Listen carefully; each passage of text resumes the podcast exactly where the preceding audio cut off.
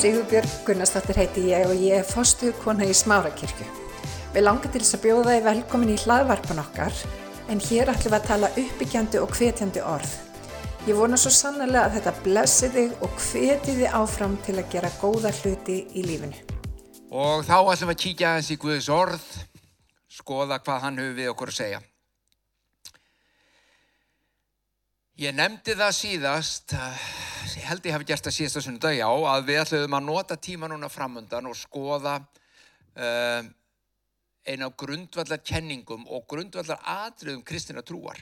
Svo mikilvæg er hún að uh, þó svo að þú hafir og ég hafi gegnum tíðin að skoða þetta frá alls konar sjónuhóttum og kafaði jafnvel djúft í það, að þá er þetta eitt af því sem er svo gott og svo mikilvægt og svo nöðsilagt að góðvísa er aldrei of oft hveðin. Þetta er bara þannig aðriði. Ég hef eh, fengið til liðsum mig núna fram á vorið, fram á eh, byrjun sumars, eh, Birkjum á Kristinsson og Guðmund Benedikt Vigfússon og þeir munu koma hérna og tala með mér og kenna um þetta efni einhverja sunnudagana fram á sumarið. Ég hlakkaði mikið til að heyri þeim en það hafa þeir meðtekið báðu tveir ofinbörna stilning Eh, á þessum sannleika Guðs, á lífunni í Kristi, að Kristur í þér og, Krist, og þú í Kristi. Þeir hafa að fengja óbyrna stilningum fagnaður erindið sem er dásamlega hlýða á, svo við hlustum, hlaka mikið til að hlusta á þá. Þannig að það eru framöndan svona samkomur, eh, vonandi verða það að opnar, vonandi verða þannig að við getum haft fólk inn í salnum, það er alltaf skemmtilegra, betra, meiri nánd, það, það er bara öðruvísi. En í dag er það ekki svo leiðis en við sjáum til hvernig við getum opnað upp aftur. En á meðan þá vorum við saman við stjáinn, á meðan þá vorum við saman til þess að læra og meðtaka það sem Guð vil við okkur tala. Eh, trúargöngunni eh, er gjarnan líst við lífslaupið. Mjög oft, þú sér það í rítningunni, eh, það er talað um fæðingu, það er talað um bardóm, úlingsár, fullorusár og samanber, Jésús talar um endurfæðingu. Hann talar um það að einhvern tíumpunkti þá endur, þú þarfst að endurfæðast til að sjá Guðs ríkið og uh, endurfæðingin er upphafið. Það er eins og fæðingin í hínu náttúrulega, einhvað líf er byrjað. Síðan koma barndumur, úlingsár og svo framvegs. Og nú er það þannig, alveg, ef við bara tökum uh, náttúrulega fyrst, þegar barn fæðist. Þá hefur barnið sinn innri mann sem er andi, andin innra með honum og síðan hefur það sál og það býr í líkama. Þannig erum við gert, við erum svona þrý einn. Og andin er ekki sá sem tekur breytingunum fyrir að endur fæðist eins og biblíðan segir. En hugur okkar, sál okkar, líf okkar það er að þroskast, það er að þróast það er að vaksa, það er að dafna og um, við ef við skoðum þetta í samengi við uh, lífið í trúnu okkar og göngunum okkar með Guði þá er það, eins og, og Rómarabriði segir þá er það hugarfarið sem það er að taka háttaskiptum takja háttaskiptum með endur nýjungu hugarfarsins. Til þess að hvað, til að ganga inn í til að sjá og reyna og upplifa þið góða fagra og fullkoma hjá Guði. Með öðrum orðum, þegar þú endurfæðist, þú eignast lífið í Guði innan með þér, þá er það í eitt skipti fyrir, það gerist. Það er komið. En allt til ytra, allt í höfðun okkur, allt í líkam okkur, það þarf að byrja að taka breytingum út frá andanum. Og um, sum ykkar sem eru að hlusta, eigi kannski ekki einu sinni, þið hafa ekki endurfæðist, þið eigi ekki, þið viti ekki alveg hvað er að tala um þegar þið kemur þessu með endurfæðingun og það er allt í lægi. Eh, ekki örvendan eitt með það, það er fullt af hlutum hérna og næstu sunnundagar sem þið getur með þetta ekki skoðað og hugsað og, og gætt ykkur á góðu Guðs orði.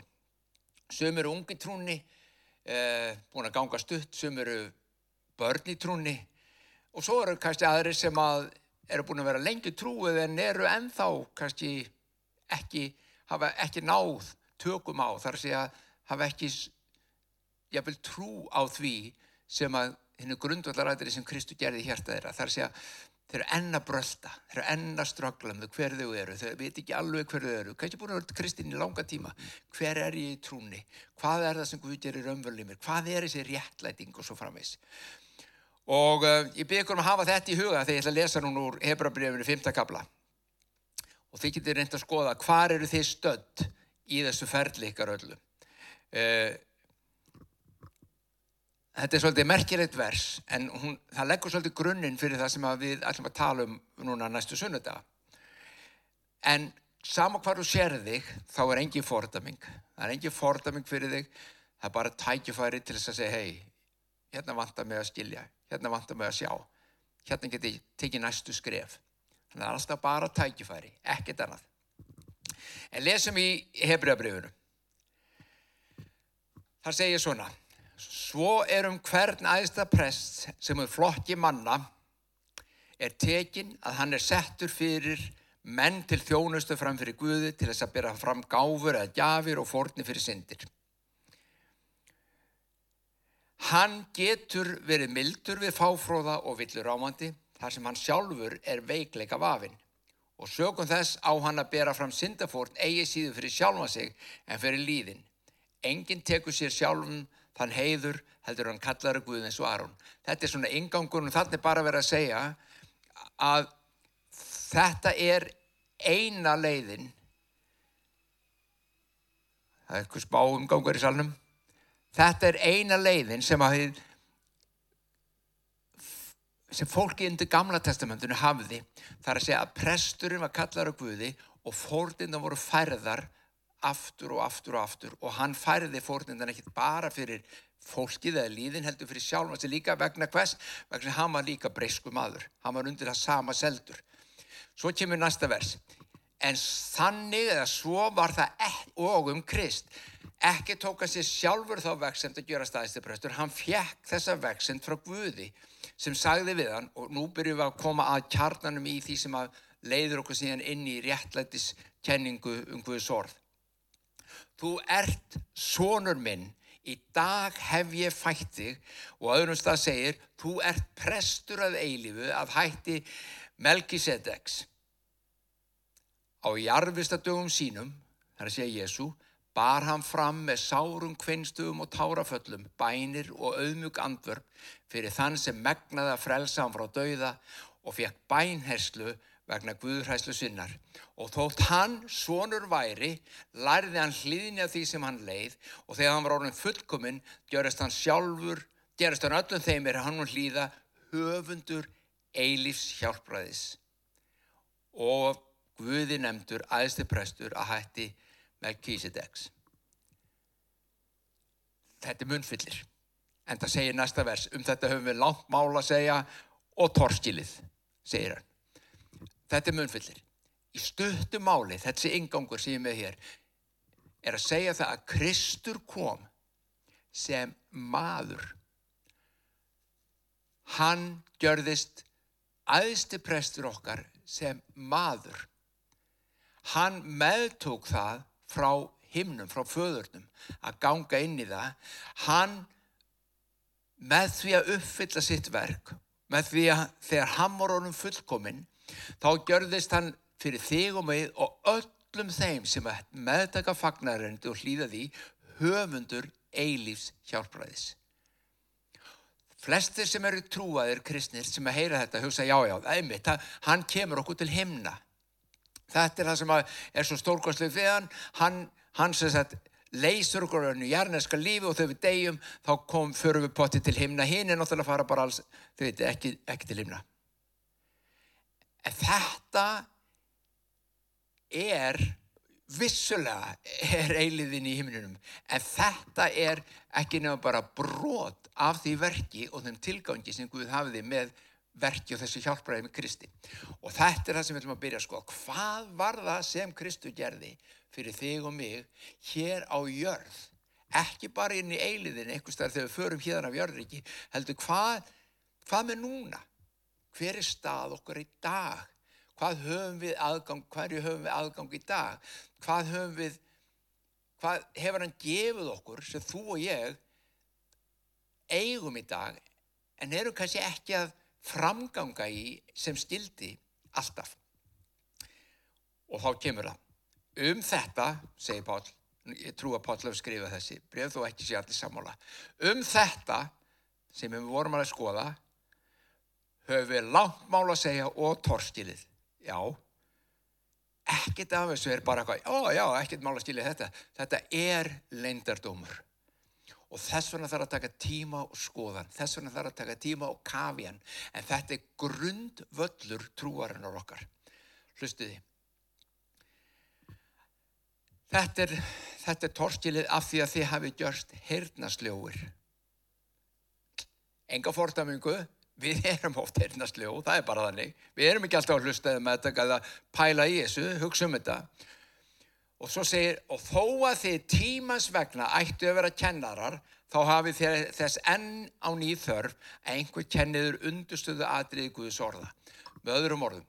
Þetta, ég er bara núna að leggja grunnuna í sem mikilvægt það er þetta efni sem við erum að fara að fjalla um framöndan.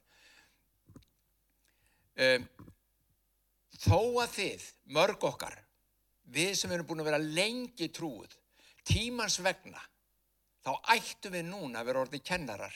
Það er að segja tímans vegna í trúni, frá því að þú gafst lífið og endurfættist, frá það til nú í dag, eru liðin kannski 2 ár, 5 ár, 10 ár, 15 ár, 50 ár og vegna þess að þú ert búin að ganga svo lengi þá ættir skilningurinn þinn vera núna á þeim stað og þú að lifa þeim, á þeim stað að þú ættir að vera að kenna öðrum sem er að byrja.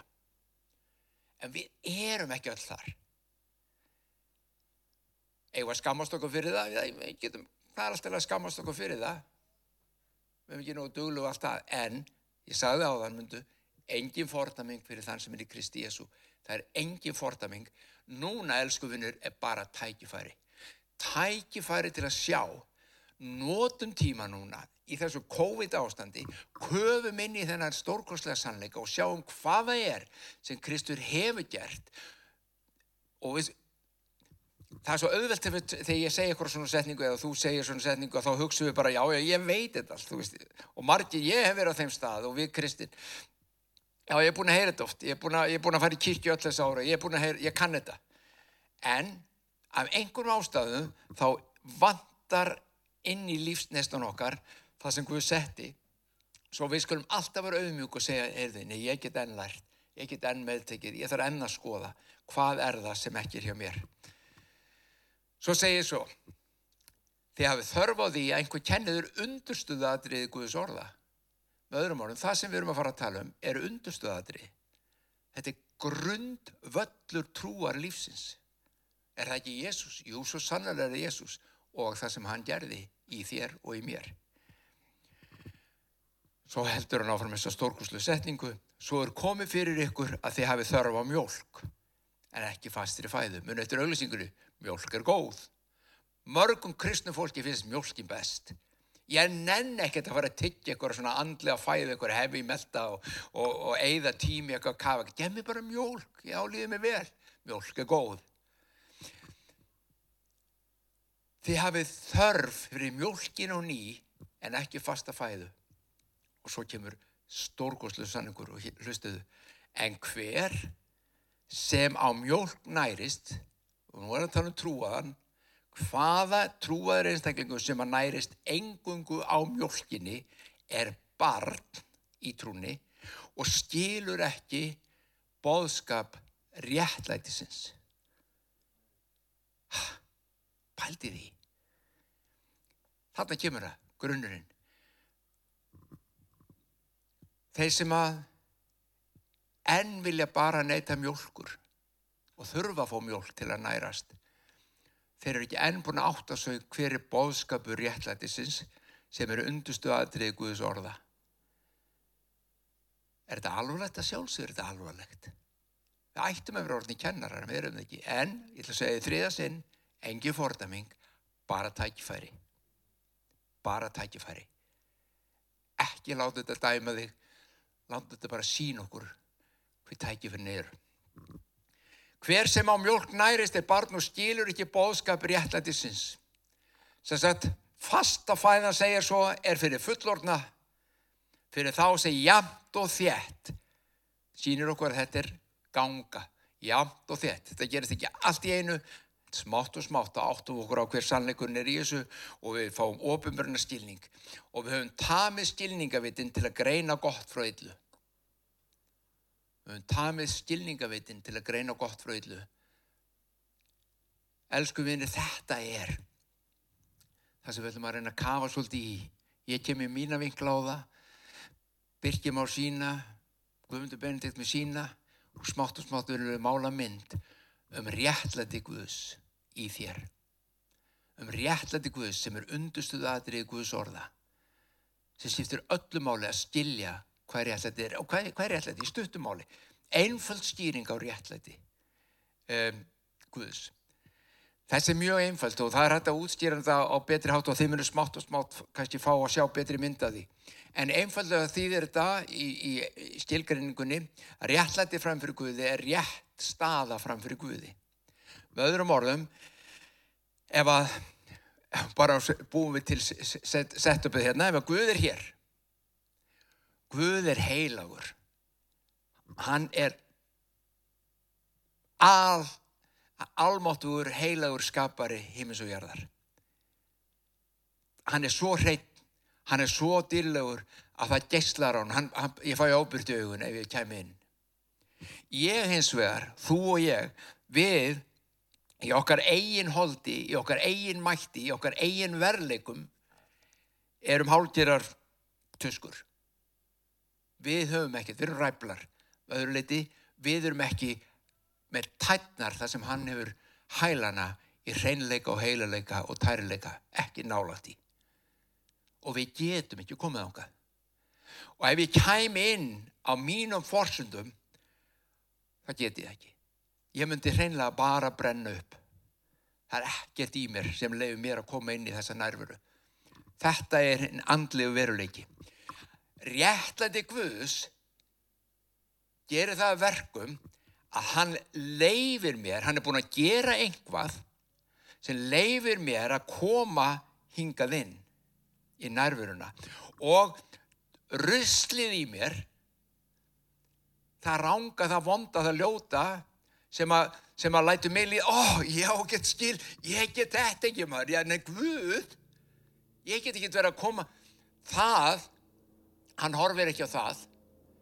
Hann horfir á inn í andaminn sem hann er búin að réttlæta sem gerir það verkum að, leif, að ég má koma inn og ég má standa teinréttur framfyrir honum, ekki vegna þess að ég er svo klár og góður, ekki vegna þess að, að ég er svo hreitn og réttlátur, heldur vegna þess að hann hefur réttlætt mig.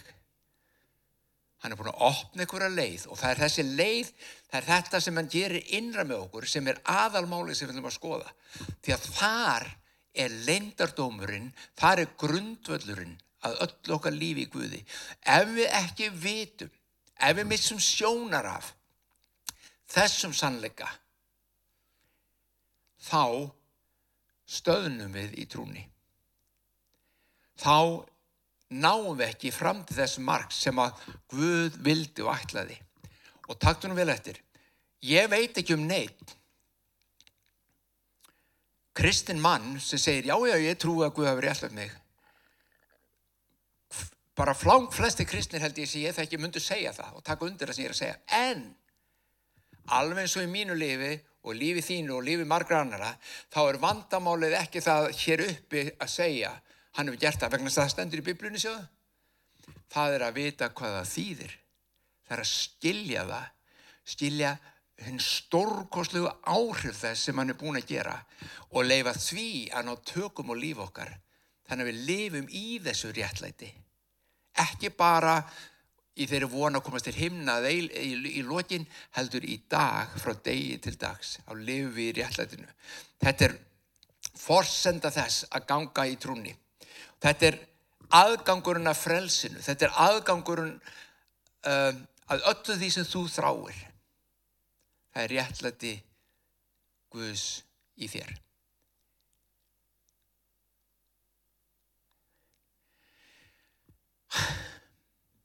þetta er alltaf svona ég fer að stað og, og alltaf að nota engangin og láta klárast ég er, ég er rétt hálnað með engangin og tímin er að búin Þetta er klassist hjá mér, en það, það, það er bara svo margt í þessu sem þarf að skoða. Þú þráur frið, þráur hamingju, þráur kraft í lífið þitt, þráur löst. Allt þetta er í réttlætinu í Kristi. Það er ymsa leiðir í þessa átt. En ég ætla að lokum að lesa bara hérna úr korundubrifi, öðrum kabla, eða öðru korundubrifi segi fymta kabla. Og þetta er eitthvað sem ég ætla að enda á og ég hugsa að við byrjum hérna líka næsta sunnudag. Því að við höfum álíktað sem svo. Við höfum dreyið þá álíktun af öllu því sem Guði er búin að gera og Kristur er búin að kenna og því sem gerst hefur. Að ef einn er dáin fyrir alla, Kristur dó fyrir alla menn og hann er dáin fyrir alla, ef einn er dáin fyrir alla þá eru þeir allir dánir. Með öðrum orðum, þetta, þetta er leindardómurinn og kannski torskilið eins og Pál sagði, að ef hann deyr fyrir mig, þá lítur Guð þannig á að þú og ég og allir menn hafi farið á krossin með hann og dáið með honum. Ef einn er dáin fyrir alla, eru allir dánir og þú segir strax, ég er ekki dáin, ég er bara sprellifandi þetta maður. Ah, hér er líkillinn. Hann er að tala um innrimanniðinn. Hann er að tala um andanðinn. Þetta innsta eðli mannsins, manns andan sjálfan. Það er hann sem deyr og það er þar sem verður ásýrst að endurfæðing. Þar verður þú ný sköpun, hlusta þá. Og hann er dáin fyrir alla til þess að þeir sem lifa, lifi ekki framar sjálfu sér, heldur honum, sem fyrir þá er dáin upprisin. Að við lifum ekki bara fyrir sjálf okkur heldur í honum. Þannig metum við hérna frá engan að mannlegum hætti Þóttur við þekkt Krista mannlegum hætti, þekkjum hennar núna ekki framar þannig. Ef einhver er í Kristi, er hann skapaður á ný, hefur gamla varðað engu, sjá nýtt er orði til. Þetta förum við kristnum en fjálglega með.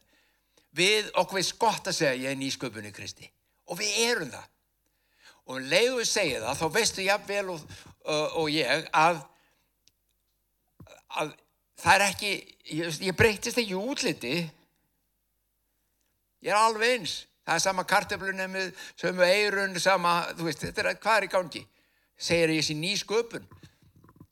Og veistu hvað? Svo fer að hérna, áttaðu á því að það er alls konar hlutir í lífinu, gamli hlutir sem þú varst vanur að gera, þeir eru ennþá þarna. Sund, hrundi bara afviltist þér og wow, ég þurfti ekki það fyrir sig, ég bara losnaði við þetta, sem betur verið. En svo eru aðra hlutir sem eru þarna og svo eftir einhvern tíma, þá verðist þér koma aftur.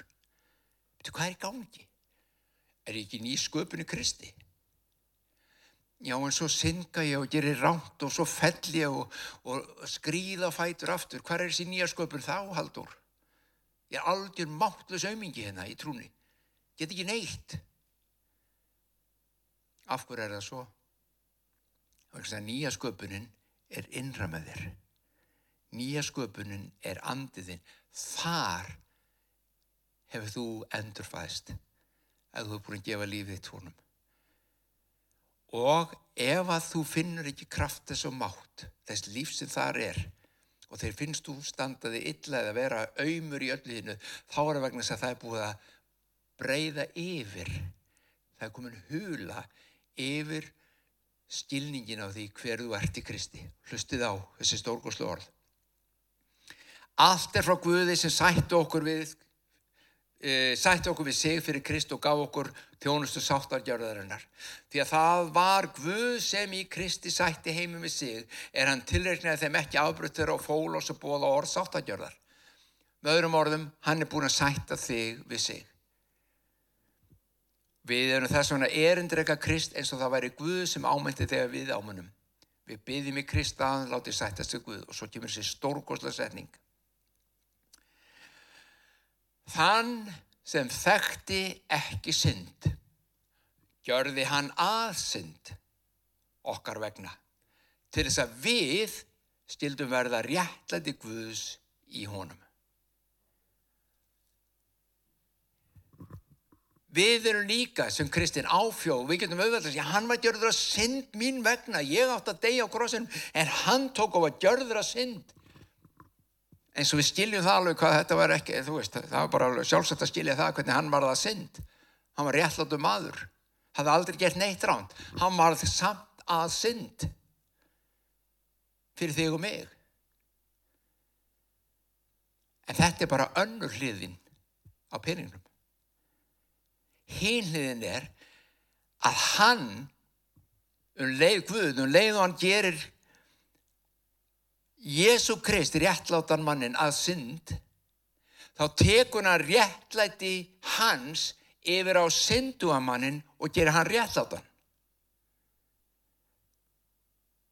Þetta er ekki alveg svo vilt að trúa þessu sko. Ég, miklu, ég ekki að trúa hinn að hann hafa gert þetta fyrir mig en að ég sé orðið rétt, hvað, hvað, hvað meinar þú? Það þýðir það að ég hafa átt sér stað umskipti. Jésús er réttlátur maður. Takk eftir þess að las ég svo og laði áherslu á áðan. Hann var maður. Hann kom og gerðist maður og var prestur hætti manna. Hann, hann er maður. Og hann hins er réttlátur og gerði ekkit ránt. Helt lögmáli allt til enda og uppfyldi það. Við, hann fyrir á krossin og við fyrir með honum og synd okkar fyrir yfir á hann og Guð segir hann er gjörður að synd sem réttlátur var og við deyjum. Þegar Guð lífgar Krist við aftur og reysir hún úr gröfinni þá reysir hann sem mann. En hann lífgar hann ekki bara líkamlega frá gröfinni hann endur fæðir hinn mannlega anda í honum og réttlætir hann fram fyrir Guði. Og það réttlæti er nú sett yfir á þig og mig. Þannig að ég og þú fáum þessa sömu stöðu andi okkar er núna þáttakandi, hlutakandi í Guðlu eðli og réttlæti Kris er innan með mér. Það stendur ég trúur mér ekki? Hlusta á hvað Guð svo segir. Þann sem þekkt ekki synd, gjör þennan synd okkar vegna. Ekkert mál, við trúum þessu. Já, stór mál, en þessu getum við trúað og þessu trúa flesti kristni menn. En setnipartinum, hinum hlutin á krónunni, peningunum þá er erfiðara. Það er þetta, til hvers gerðan það? Til hvers stendur hér? Gerði hann réttlátan mannin að synd? Til þess að við, þú og ég, mundu verða réttlæti Guðs í Kristi. Það er ekki bara hann að vera réttlæti ykkur, elsku vinnur. Við erum réttlæti hans. Þess vegna er en endun í öðu hugur, eða óendun í öðu hugur, hugurinn sem er ennabrölda í, í þessu gamla, líkaminn sem er ennabrölda í þessu gamla, þau munu engi hafa neina áhrif, þau hafa engin áhrif hver þú ert. Þú ert réttlæti Guðs í Kristi. Og við ætlum að fjalla um þetta. Þetta skiptir öllum áli að þú vitir hverðu ert innanfyrir ok, ég er búin að fara aðeins lengra heldur ég ætlaði, ég ætlaði, eins og ég segi, tímil hljóf frá okkur, en svona er þeim að fyrir að staði eitthvað svona, en ég hveti ykkur til að skoða. Þetta eftir að skýrast, þetta er tormelt, þetta er torskilið og, og allt það, vegna þess að þetta er, þetta er leindardómur, andlegu leindardómur, en veistu hvað, verðu með. Skoða þetta með okkur, kíkta á þetta, sjáðu til að Guð mun kenna þér. Ég get ekki opnað hjarta þitt til þess að þú sjáur þetta en heilagur andi getur kent þér. Hann getur opnað hjart okkar. Hann ofinberrar og þú mun sjá og þú mun skilja hvað Guð hefur raunverulega gert í þínu hjarta. Í Jésu nafni, Guð blessið, elsku vinnir.